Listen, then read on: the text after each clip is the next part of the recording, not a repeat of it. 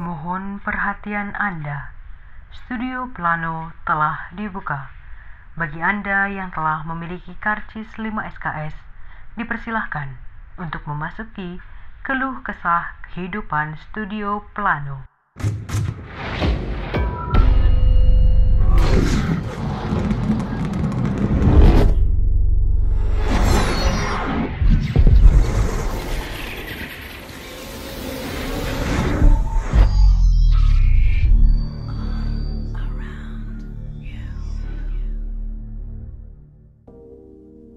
Assalamualaikum warahmatullahi wabarakatuh. Waalaikumsalam Waalaikumsalam Oke, halo teman-temanku di sini dan juga adik-adik. Uh, selamat pagi, selamat siang, dan selamat malam. Makasih udah nyempetin hadir buat teman-temanku yang malam ini dan juga makasih juga buat adik-adiknya yang udah mau nonton video ini. Uh, sebenarnya nggak terlalu banyak visualisasi di sini, tapi kalian boleh juga dengerin kayak misalnya podcast kayak gitu. Di sini aku sebagai TA, teaching assistant, uh, bakal ngejelasin sedikit terkait teknis survei pada uh, zaman aku dulu ketika mengikuti SPPK 2020 dan juga kendala kendala-kendala apa aja sih yang bakal nanti uh, dihadapin waktu kami dulu menjalankan SPPK 2020 itu.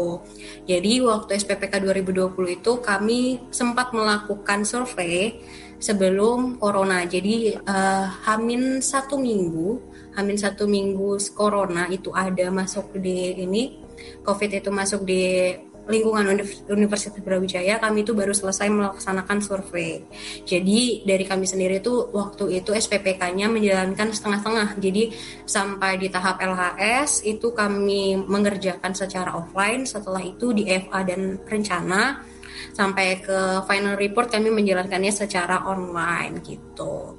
Terus di sini aku udah ditemenin sama teman-teman aku dari sektor drainase di di SPPK 2020 kemarin. Di sini juga ada uh, asisten tub uh, waktu tugas kalian, ada Andri. Terus juga oh, ada halo Mas Andri. Terus juga ada uh, Reina sama Filia sama ada Dwi Handoko. Nah, uh, walaupun kita satu sektor, tapi kita kemarin itu beda wilayah. Jadi uh, Andri sama Afilia itu kemarin di sektor Dinase Kelurahan Arjo Winangun, terus aku sama Handoko di sektor Dinase Kelurahan Buring, sama Rena itu sektor Dinase Kelurahan Bumi Ayu. Tapi walaupun seperti itu, waktu waktu tubesnya aku kebetulan satu kelompok nih sama Rena yaitu di Kelurahan Bumi Ayu gitu. Jadi aku masih uh, kenal-kenal sedikit lah tentang lingkungannya Bumi Ayu itu gimana sih gitu. Mungkin sebelum aku ngejelasin lebih lanjut dan teman-teman aku ngejelasin lebih lanjut tentang si survei ini apa, gimana sih teknis survei kami dulu dan kendala-kendalanya. Aku mau jelasin dulu uh, survei itu apa sih? Survei itu adalah waktu kami, waktu semua mahasiswa PWK itu melakukan pencarian data untuk melengkapi data-data yang nantinya akan dianalisis uh, pada tahapan berikutnya di setiap studio dan juga data-data ini juga digunakan untuk memenuhi rumusan masalah yang pertama dan juga mencapai tujuan yang pertama yaitu mengidentifikasi karakteristik dan juga mengetahui eh, kondisi-kondisi uh, yang ada di lingkungan wilayah studinya kita gitu. Jadi kita uh, di tahapan itu perlu melakukan adanya tahapan survei gitu. Mungkin dari uh, Andri, Reina, Handoko atau Avi ada mau nyampein lagi nggak pemahaman tentang survei itu apa sih? Ya, jadi kalau dari aku yang mau nambahin mungkin sama sih secara garis besar sama kayak Mbak Anggi tadi bilang ya. Jadi survei itu proses suatu pencarian data yang kemudian data-data yang kita ambil tersebut nantinya akan diolah lebih lanjut kayak gitu. Jadi uh, di survei itu kan kalau misalkan teman-teman udah belajar dari Tubes ada beberapa uh, ininya ya, apa namanya? Ada survei primer, ada survei sekunder, kemudian nanti di survei primer ada teknik-teknik pengambilan datanya, ada melalui observasi dan sebagainya itu nanti mungkin teman-teman bisa pelajarin lagi itu uh, lebih jelasnya kayak gimana kayak gitu aja sih mungkin kalau dari aku tambahannya Oke, makasih Andre. Dari teman-teman yang lain ada nggak nih mau tambahin atau kiranya udah cukup? Kalau dari aku sih cukup ya udah disampaikan sama Mbak Anggi sama Mas Andri tadi ya sekiranya kayak gitu. Oke, ya udah berarti langsung aja kali ya kita ngebahas kemarin gimana sih keadaan survei kita tuh waktu SPPK 2020. Mungkin sebelum ngebahas gimana surveinya, aku mau nanya dulu nih sama teman-teman juga ya. Di sini ada Andri, Rena, Handoko, sama Avi. Kira-kira sebelum survei kan kita terjun ke lapangan nih. Pasti ada hal-hal yang dipersiapkan sebelumnya. Apa aja sih yang kita persiapin sebelum dulu itu kita survei drainase? Siapa dulu nih mau jelasin?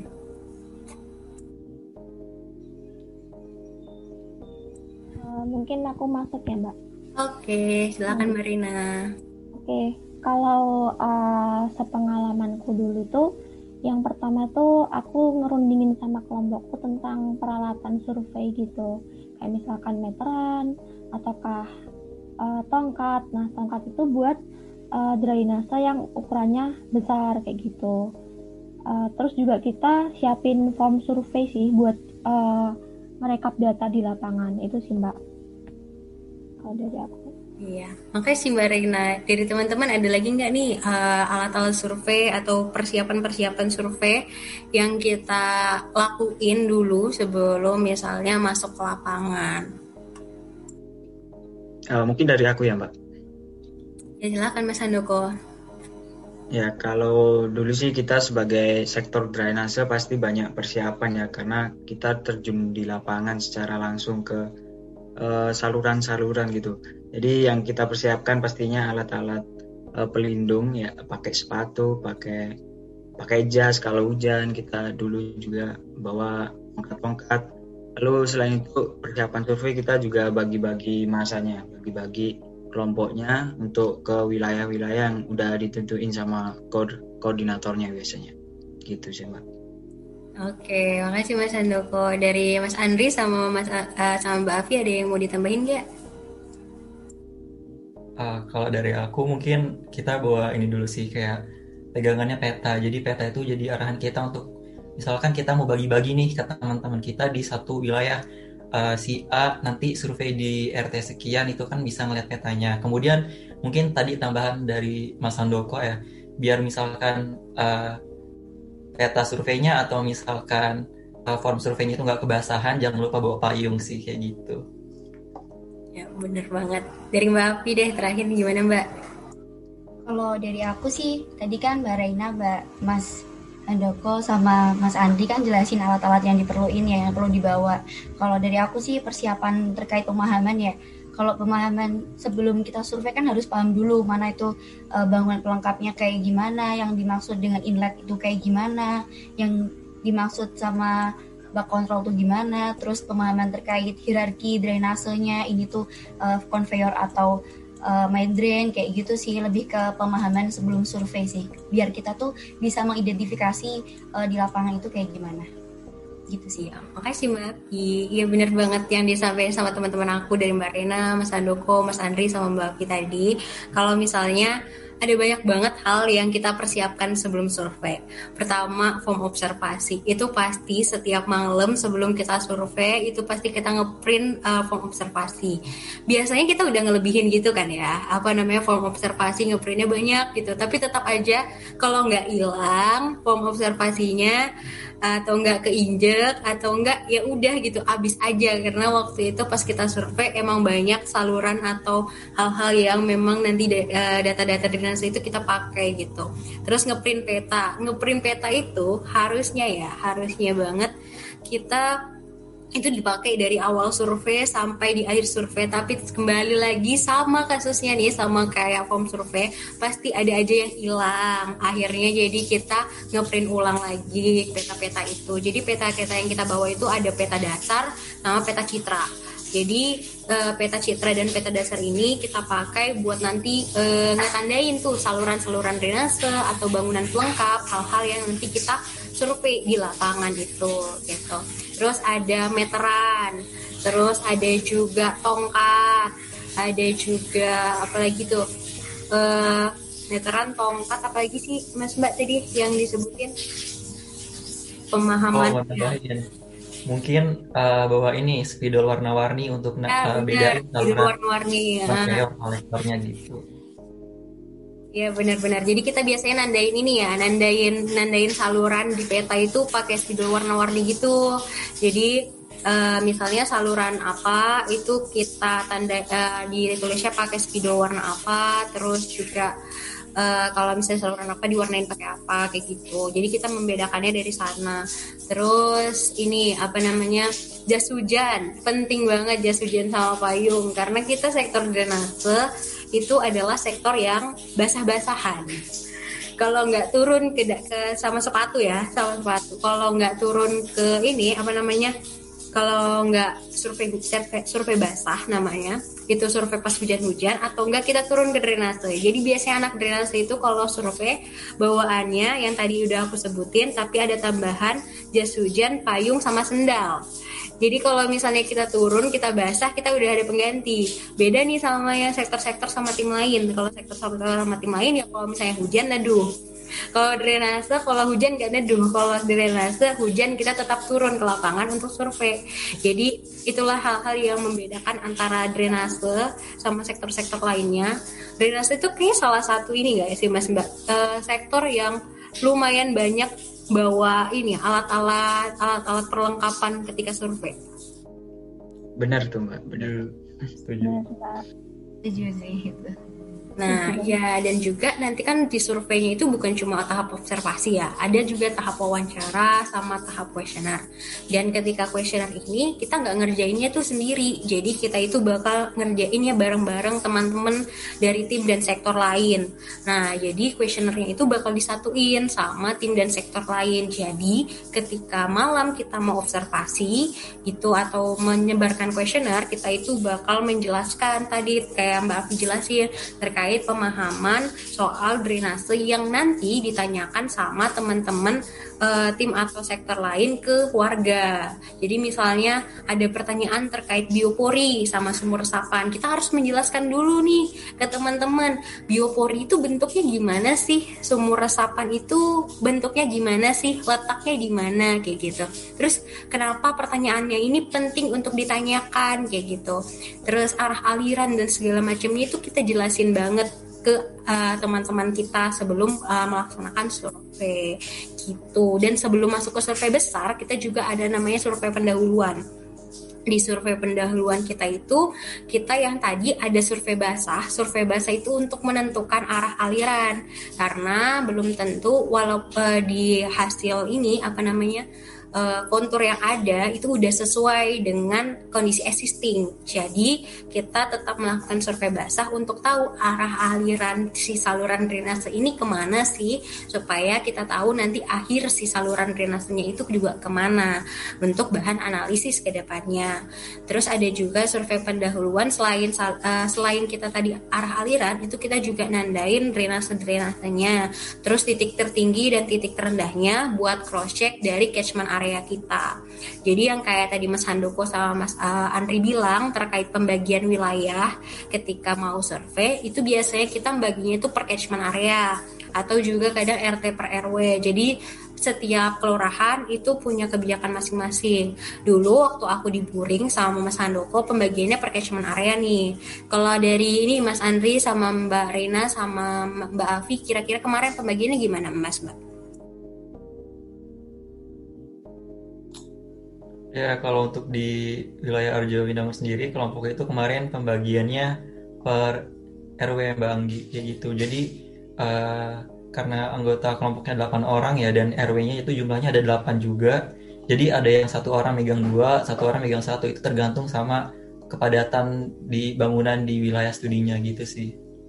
Hmm, beda kan ya karena ini nyesuaiin dengan lokasi nih lokasi wilayah studi masing-masing kalau kemarin kami itu mem uh, di tempat aku baginya per catchment area dan kita ngerjainnya dua orang nggak sendiri waktu itu jadi ngerjainnya bareng-bareng nah kalau dari mbak Rena di Bumi Ayu dulu gimana nih mbak pembagiannya uh, kalau di Bumi Ayu sendiri itu uh, awalnya emang kita surveinya uh, berdasarkan RW gitu mbak. Jadi kita baginya masih per RW sih belum uh, masuk ke catchment area. Nah untuk pembagiannya sendiri itu uh, dua anggota per per RW gitu mbak. Kalau dari Bumi Ayu sih gitu.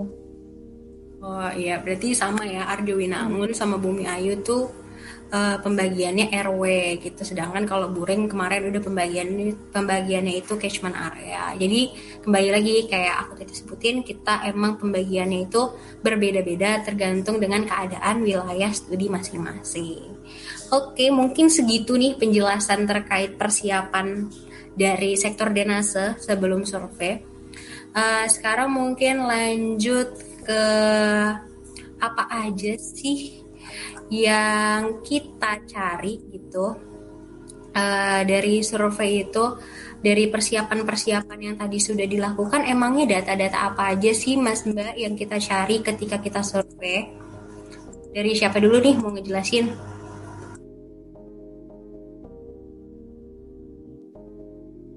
uh, aku dulu mungkin ya Mbak ya oke silahkan kalau data yang dicari itu pasti data-data observasi ya observasi yang kita lakukan tuh banyak banget tuh data yang uh, bakal dicari pas survei. Salah satunya ada karakteristik saluran. Nah itu kan uh, sebelumnya kalian udah pelajari juga kan sama Mas Mbak atau Mbak Asis kalian terkait hierarki, perkerasan, dimensi, uh, bentuk, lokasi serta konstruksi dari saluran-saluran saluran-saluran drainase. Nah itu pasti di lapangan pasti di cross check lagi, dicari dengan cara observasi.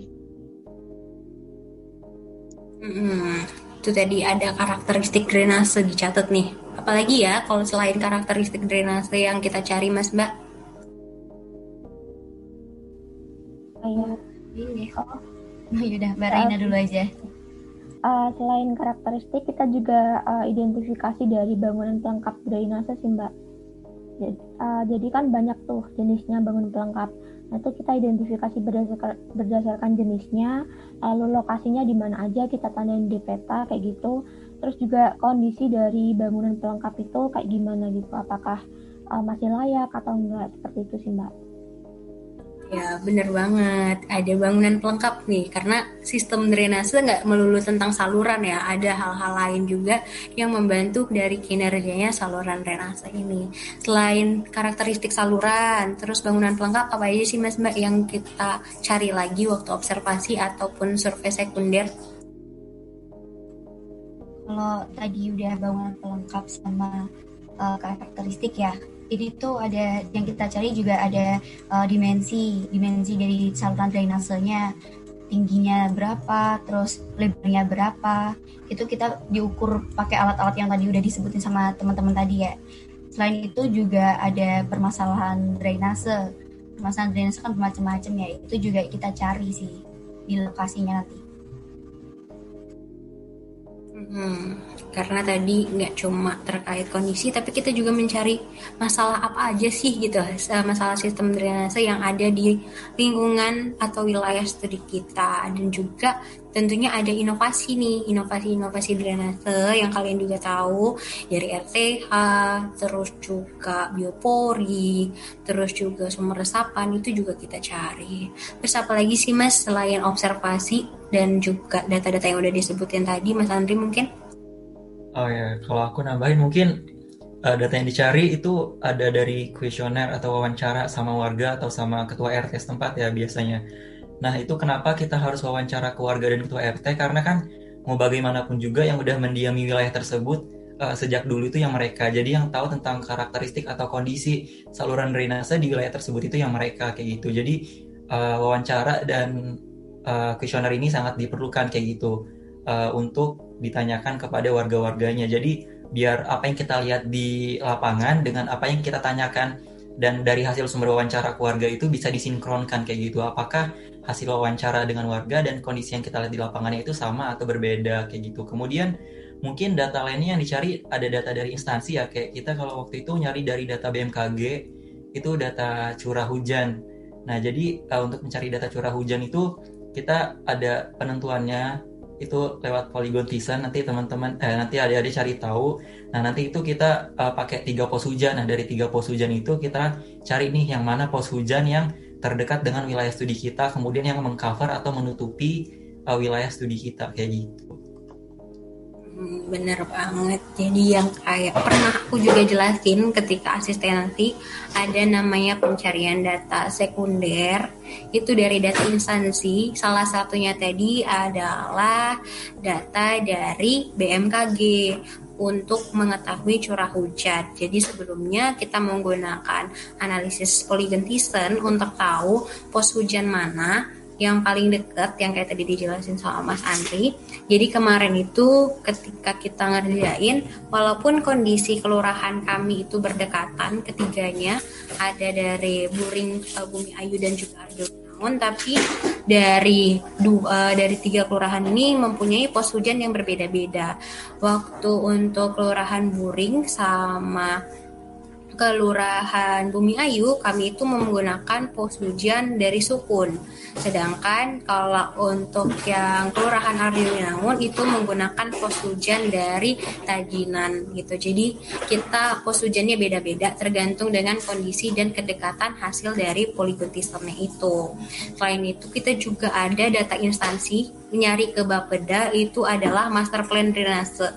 Kenapa kita butuh master plan drainase? Karena itu adalah perencanaan dari sistem drainase yang ada di Kota Malang. Jadi kita supaya nanti hasil perencanaan kita dan juga di sana juga terdapat data-data sih sebenarnya terkait dimensi, lokasi dan uh, pembangunan-pembangunan yang nanti bakal ada dari sistem drainase yang ada di Kota Malang. Jadi kita membutuhkan data tersebut gitu mungkin udah jelas ya penjelasan terkait data-data kita apa aja yang dicari. Uh, selanjutnya aku mau nanya sih Mas Mbak, dari data-data itu gimana sih dapetin dapetin datanya dari dimensi itu gimana cara dapetinnya? Terus pas ini apa survei bangunan pelengkap pakai apa sih gitu? Terus uh, apa waktu curah hujan kita ke mana sih apakah lewat data website atau gimana kayak gitu mungkin dari Mas Mbak bisa ngejelasin nih data-datanya itu kita dapetinnya dari mana? Ya, mungkin aku izin Monggo, aja ya. Uh, ya, oke. Okay. Uh, mungkin aku mau ngejelasin terkait dimensi. Kalau dimensi itu uh, jelas tadi di awal udah disebutin kan, kan uh, kita ada persiapan alat gitu. Kita bawa uh, meteran ataupun tongkat yang uh, tongkat jenis tongkat rangka gitu. Nah itu uh, kita uh, menuju ke saluran itu dengan menandai dulu di peta. Jadi misalkan ada saluran di jalan A, itu saluran satu yang sebelah kiri, nanti sebelah kanan saluran dua gitu.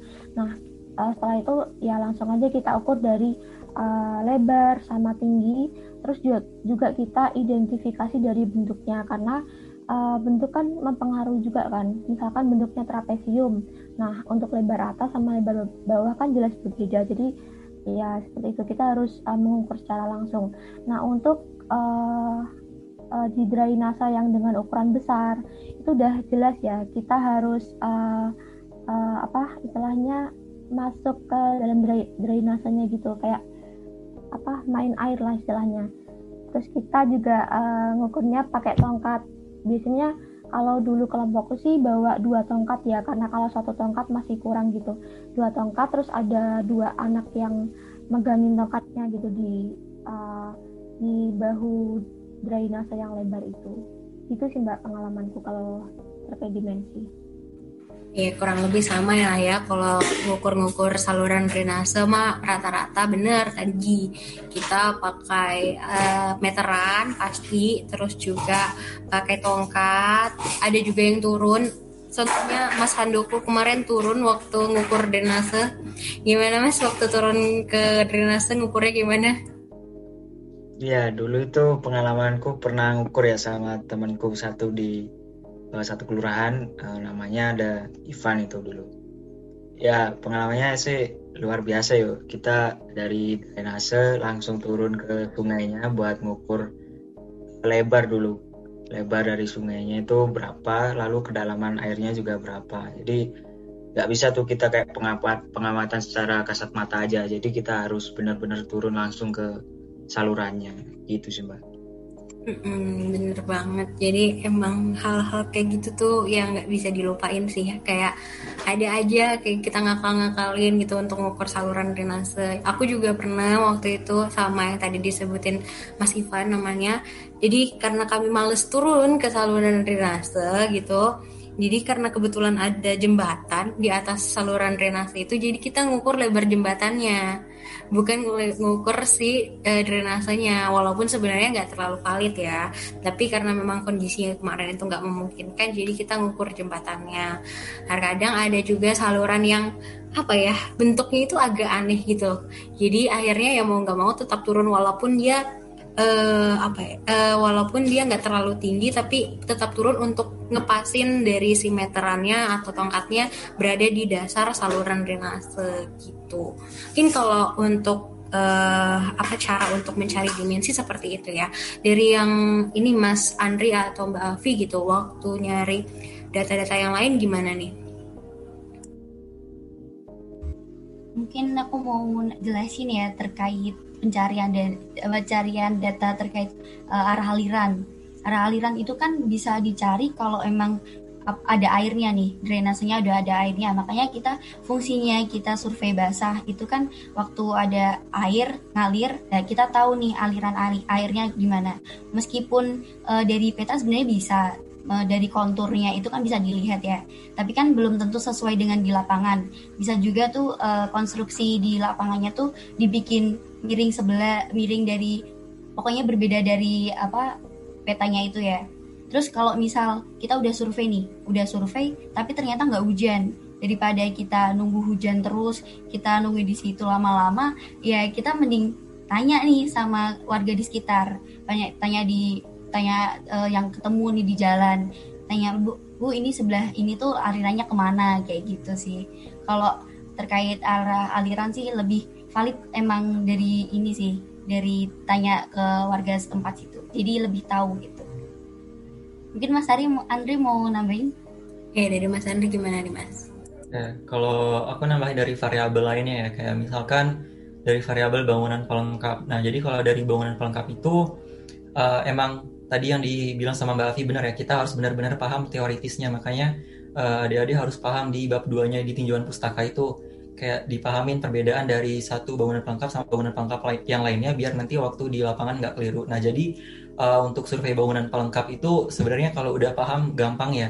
Jadi kalau udah bisa bedain itu gampang, nanti tinggal kita nentuin titik-titiknya itu bisa langsung dititikin di peta atau kalau uh, aku sendiri itu pakai bantuan SW Maps. Mungkin adik-adik udah tahu SW Maps. Nah, jadi di situ sekalian kita tahu lokasi koordinatnya, sekalian juga kita dokumentasi karena dokumentasi itu penting. Uh, jadi yang nanti dilihat oleh dosen itu bagaimana kondisi existing di lapangannya dosen. Uh, itu mau lihat apakah benar yang kita lihat itu misalkan bangunan pelengkap berupa inlet. Ketika kita foto kita tunjukkan ke dosen e, Pak ini adalah inlet di RT sekian di RW sekian. Nah nanti dosen melihat kesesuaiannya. Oh ya ini benar inlet.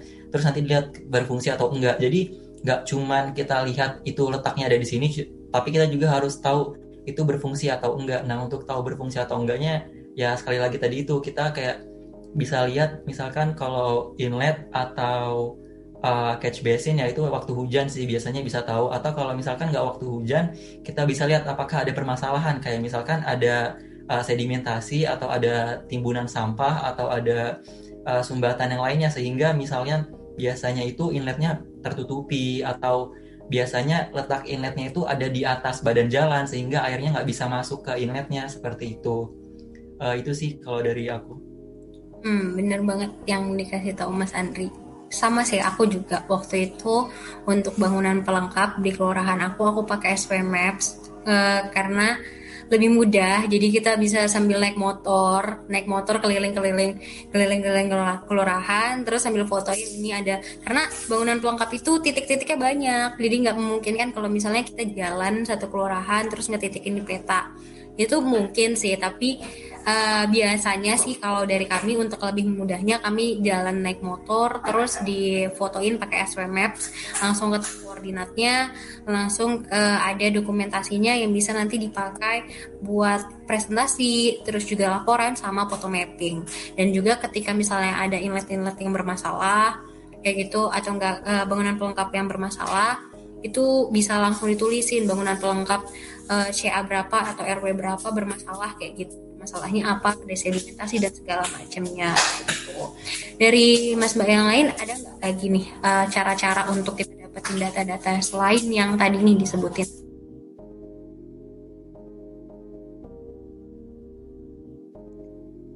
Ya, mungkin aku nambahin ya, Mbak. Dari beberapa yang dijelasin tadi, kebanyakan uh, Mas Mbaknya udah jelasin terkait survei langsungnya, kayak observasi di lapangan. Uh, kalau pengalamanku dulu pernah sekali sih untuk nyari data ke instansi, ke BMKG. Dulu sama Mbak Anggi juga tuh, nyari data ke BMKG buat nyari uh, data curah hujan. Itu kalian coba cari tahu BMKG uh, di Malang itu apa. Itu hanya satu tuh di Malang Coba kalian cari ya nanti lokasi BMKG BMKG-nya. Benar banget. Jadi waktu itu karena data instansi kita itu kan makanya seluruh kelurahan. Jadi uh, kita itu ngebagi ada yang ngebagi, ada yang pergi untuk ke BMKG, ada yang survei pendahuluan waktu itu, ada juga yang uh, pergi ke instansi Bapeda untuk dapetin master plan drainase karena yang tadi saya bilang dan selalu juga saya bilang kalau misalnya di asistensi uh, pentingnya koordinasi sektor walaupun kita berbeda wilayah. Karena walaupun kita beda wilayah nih kita masih membutuhkan data satu sama lain terutama di bagian fakta analisa nantinya. Dan juga koordinasi-koordinasi apalagi yang wilayahnya itu berdempetan pasti ada aja hal-hal yang perlu dikoordinasiin bareng-bareng. Gitu Mungkin kalau untuk pendap apa ya cara untuk dapetin datanya udah jelas ya dari Mas Mbak tadi kondisinya gimana. Terus ini deh nanya setelah kita dapat nih data-data kita survei dari pagi sampai sore kadang-kadang gitu, datanya itu diapain sih Mas Mbak? Ya, jadi uh, setelah datanya itu didapetin, udah pasti kita harus ngerekap ya. Jadi biasanya untuk mempermudah rekapan itu kita langsung masukin ke petanya. Nah di peta itu tinggal dimasukin aja ke atribut tabelnya. Setelah sebelumnya kita tracing nih salurannya, itu tinggal dimasukin aja ke atribut tabelnya. Nanti ada variabel hierarki, terus variabel bentuk, dimensi dan sebagainya. Nah kalau untuk uh, ngerekap itu kita biasanya langsung tuh. Jadi misalkan habis pulang survei itu sore jam 6 terus malamnya jam 7 atau jam 8 kita langsung ngumpul di uh, studio di ruangan studio di gedung PWK. Nah kalau misalkan lagi nggak bisa dipakai, kita cari tempat lain untuk kerjasama. Itu biasanya kita ngumpul sih antar tiga wilayah biar bisa enak aja koordinasinya kayak gitu. Bener, direkap. Terus ini apa namanya kan kayak tadi dikasih tahu Mas Andri kalau misalnya nggak bisa di studio, kita biasanya cari tempat buat ngerekap bareng. Kadang di mana ya di Seven Chicken Gimana lagi tuh mas mbak yang di Suhat?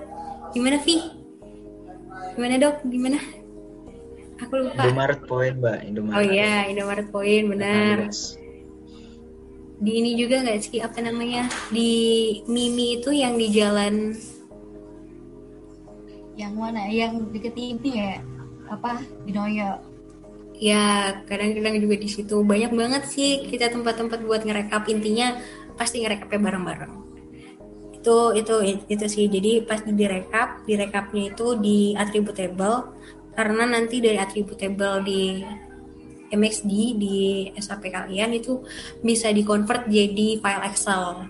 Jadi nggak ngerepot itu nggak dua kali. Kalau misalnya kita uh, rekapnya di Excel, terus masukin lagi nanti ke laporan, eh ke peta, itu lumayan PR karena harus kerja dua kali kayak gitu kan dan tidak berbentuk SAP ketika kita bisa sih sebenarnya dari Excel ekspor ke ini ke apa namanya kayak ke SAP tapi eh ke MXD uh, eh, ArcGIS tapi tidak berbentuk SHP lokasi gitu. Sedangkan kan namanya kita uh, bekerja di PWK itu domainnya lokus atau lokasi. Jadi apa-apa tuh pasti ada bentuk spasialnya. Jadi kita selalu bikinnya tuh dari bentuk petanya gitu. Itu untuk bentuk ini ya apa namanya setelah kita survei. Terus ini deh nanya lagi selama survei nih Mas Mbak atau masa-masa rekapan, apa sih kendalanya dulu waktu SPPK 2020?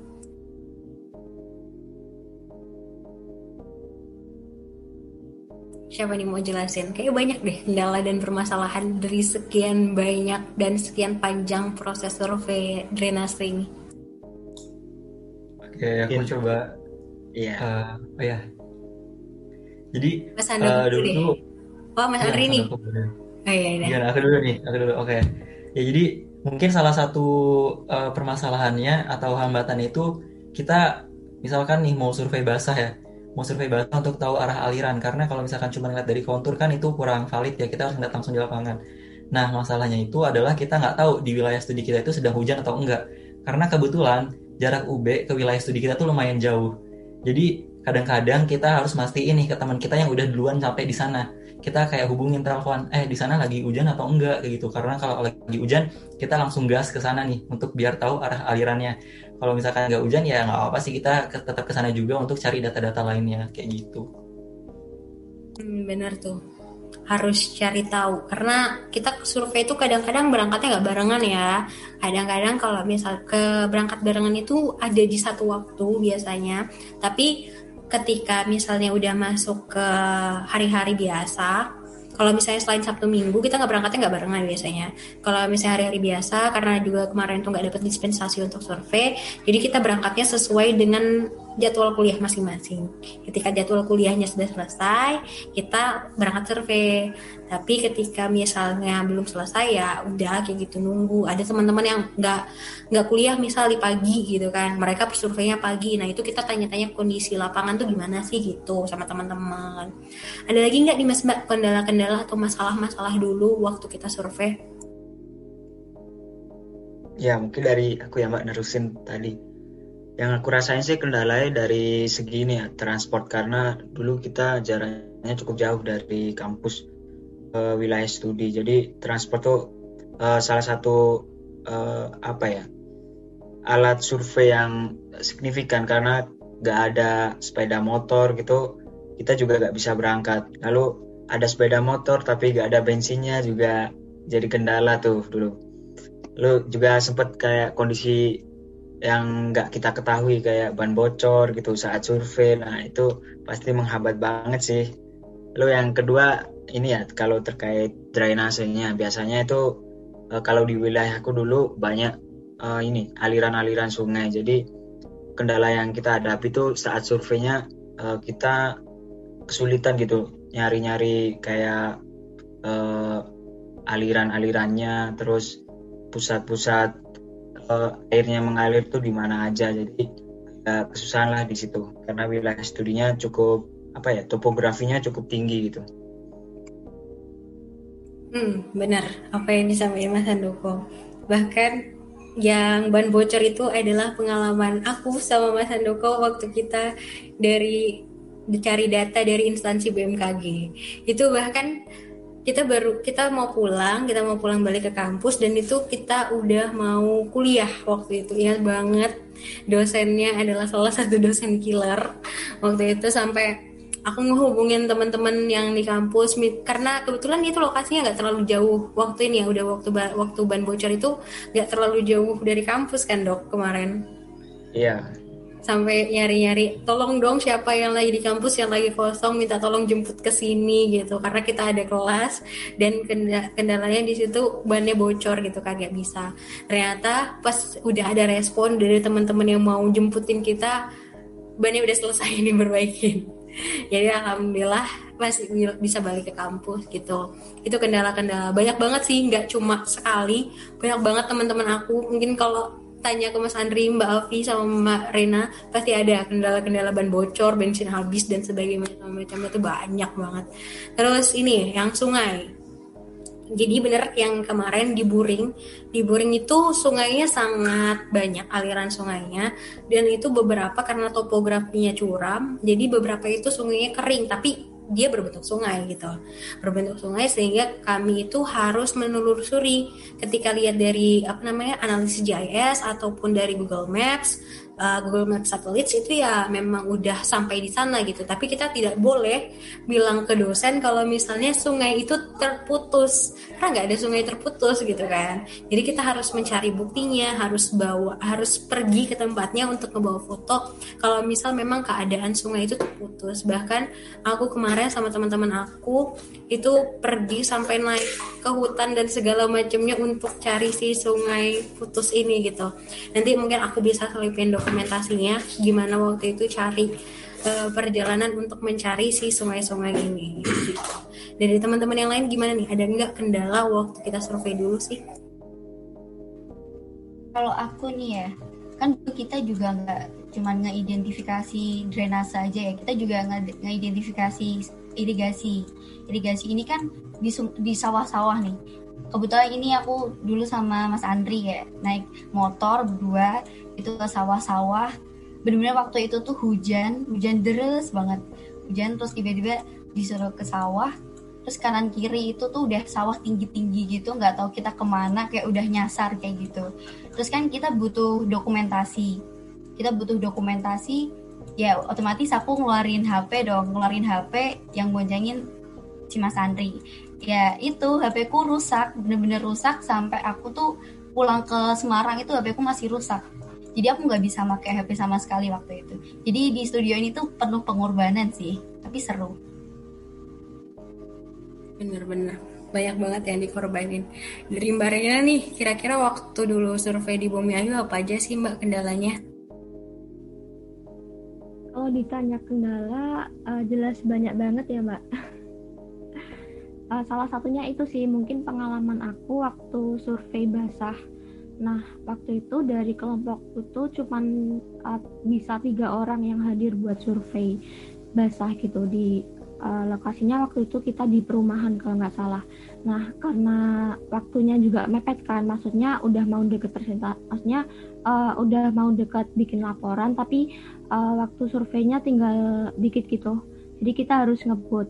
Nah, mau nggak mau kita harus uh, berpencar nih mbak tiga orang nih. Jadi satu-satu gitu surveinya. Dah waktu mbak waktu hujan itu kita kan surveinya sambil ngerekap gitu ya di kertas ya.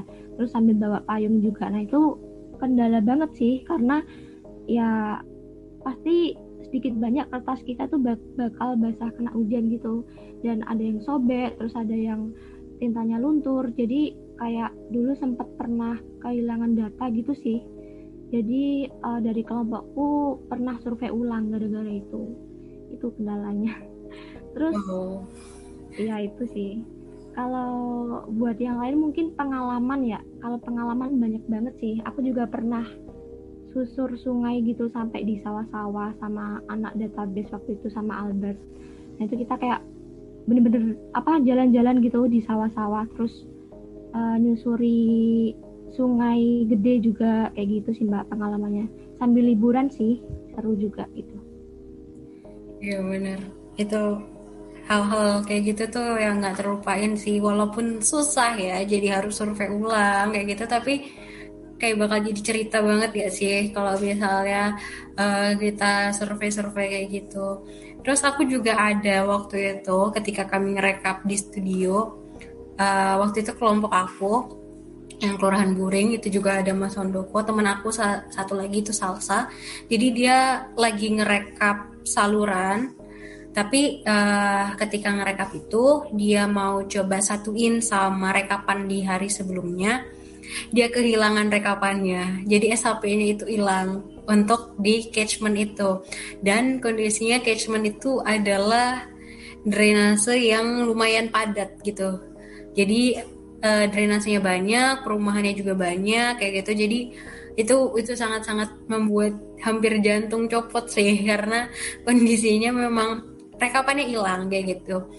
Nggak tahu kenapa dan kita mencari lagi kertasnya yang form observasi dan juga petanya itu juga nggak ada. Dan itu tuh sial banget dan itu udah jam 2-an malam gitu karena semasa dulu kita survei kita sering banget nginap di kampus Jadi biasanya nginep di kampus setelah survei itu dari misalnya habis maghrib atau habis isya pada ngumpul di studio terus baru bang baru balik ke kampus tergantung kebutuhan sih. Tapi biasanya sih sampai pagi sampai ketemu kuliah lagi. Dan aku nih sering banget ya aku Mbak Afi, Mbak Rena, sama Mas Andri sering banget kita ketiduran di musola. Jadi kita adalah orang-orang penjaga kampus menjaga kampus waktu masa-masa survei ya gitu gitu dan alhamdulillahnya ternyata SHP-nya ketemu tapi tidak di dalam folder yang seharusnya dengan folder-folder di ini apa namanya SHP SHP yang lain gitu. Jadi kesalahan ketika output save file gitu. Itu itu kondisi yang kemarin. Terus ada juga ini yang berkaitan tentang tiga wilayah. Waktu itu ada satu drainase besar di jalan itu karena kami berdampingan kelurahannya dari tiga wilayah itu mengklaim drainase tersebut atau hal tersebut adalah sesuatu hal yang berbeda. Aku di Buring mengklaim itu adalah drainase. Terus teman-teman di Bumi Ayu itu mengklaim itu adalah irigasi, irigasi teknis. Terus teman-teman di Arjuna Andri sama Mbak Avi itu mengklaim kalau misalnya itu adalah sungai mungkin bisa dijelasin nih gimana waktu itu hektiknya kita bingung ini tuh masuk apa sih gitu?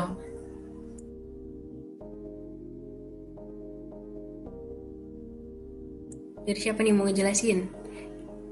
Dari Mbak Rena dulu kali ya kenapa? Atau Mas Andri? Oh ya mungkin aku dulu dari pembukaannya ya. Jadi itu awalnya ketahuan karena waktu kita mau nyocokin uh, alirannya kan karena wilayahnya juga berdampingan itu ada perbedaan ternyata. Jadi di datanya di Bumi Ayu dan juga di Buring itu ternyata berbeda sama di Arjo untuk keterangannya. Itu keterangannya tiga-tiganya berbeda, ada yang irigasi, ada yang sawah, ada yang sungai. Jadi itu kenapa bisa berbeda tiga-tiganya karena sebelumnya kita juga udah nanya ke warga di sekitar ya. Jadi warga di sekitar juga ternyata jawabannya berbeda-beda. Ada warga yang menjawab kalau itu irigasi, ada warga yang menjawab itu sungai, ada warga yang menjawab kalau itu saluran drainase gitu. Jadi uh, sekali lagi penting untuk kita itu memahami gimana caranya untuk paham per perbedaan antara ketiga saluran tadi itu. Nah, jadi uh, pada akhirnya waktu itu aku sempat minta bantuan nih ke temanku juga anak PWK yang kebetulan orang tuanya dosen teknik pengairan. Jadi kita di situ minta penjelasan, kita telepon orang tuanya, Pak, uh, bagaimana karakteristik masing-masing saluran drainase, irigasi, sama sungai. Kemudian kita ceritakan kondisi di lapangan bagaimana nanti dari situ baru kita memutuskan itu saluran apa apakah irigasi sungai atau drainase. Mungkin teman-teman yang lain Mas Mbak ada yang mau ditambahin? Hmm, ya boleh nih dari Mbak Rina atau Mbak Afi atau Mas Adoko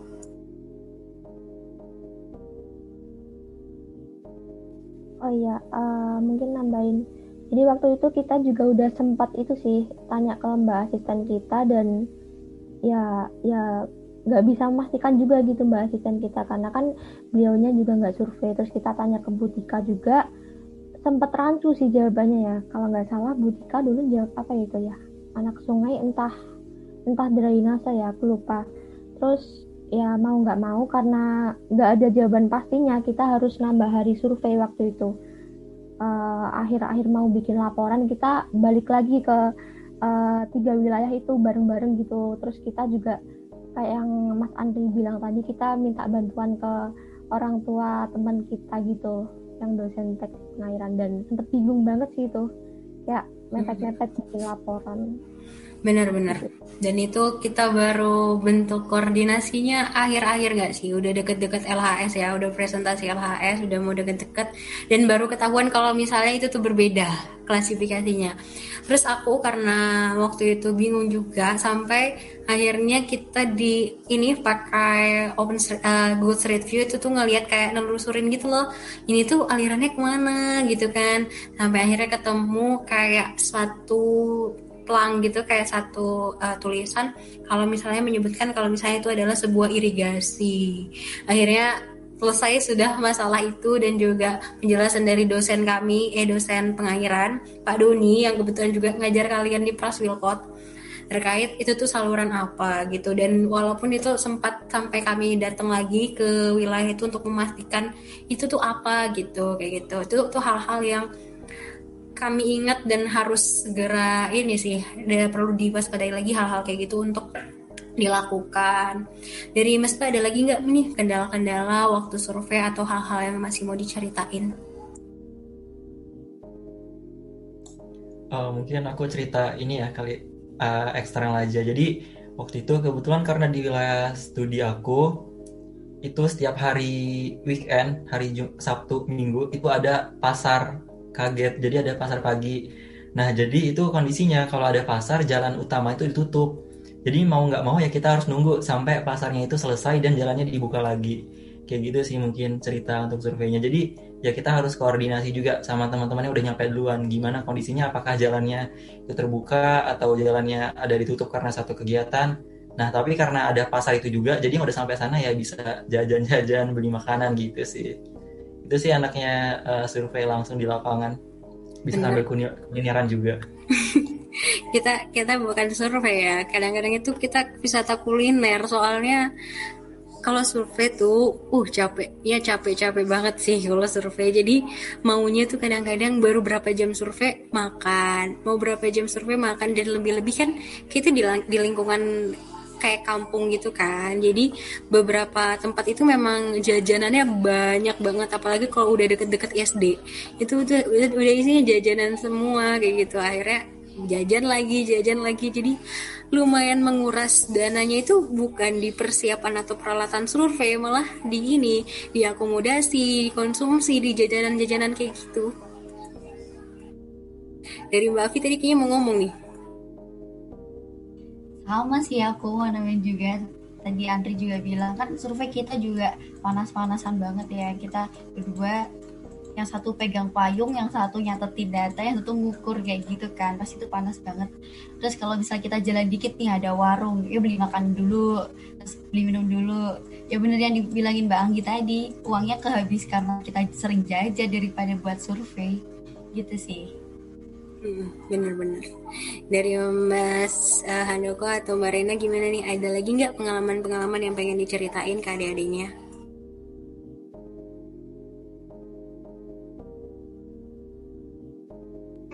uh, mungkin ini ya pengalaman terkait kelompok aja.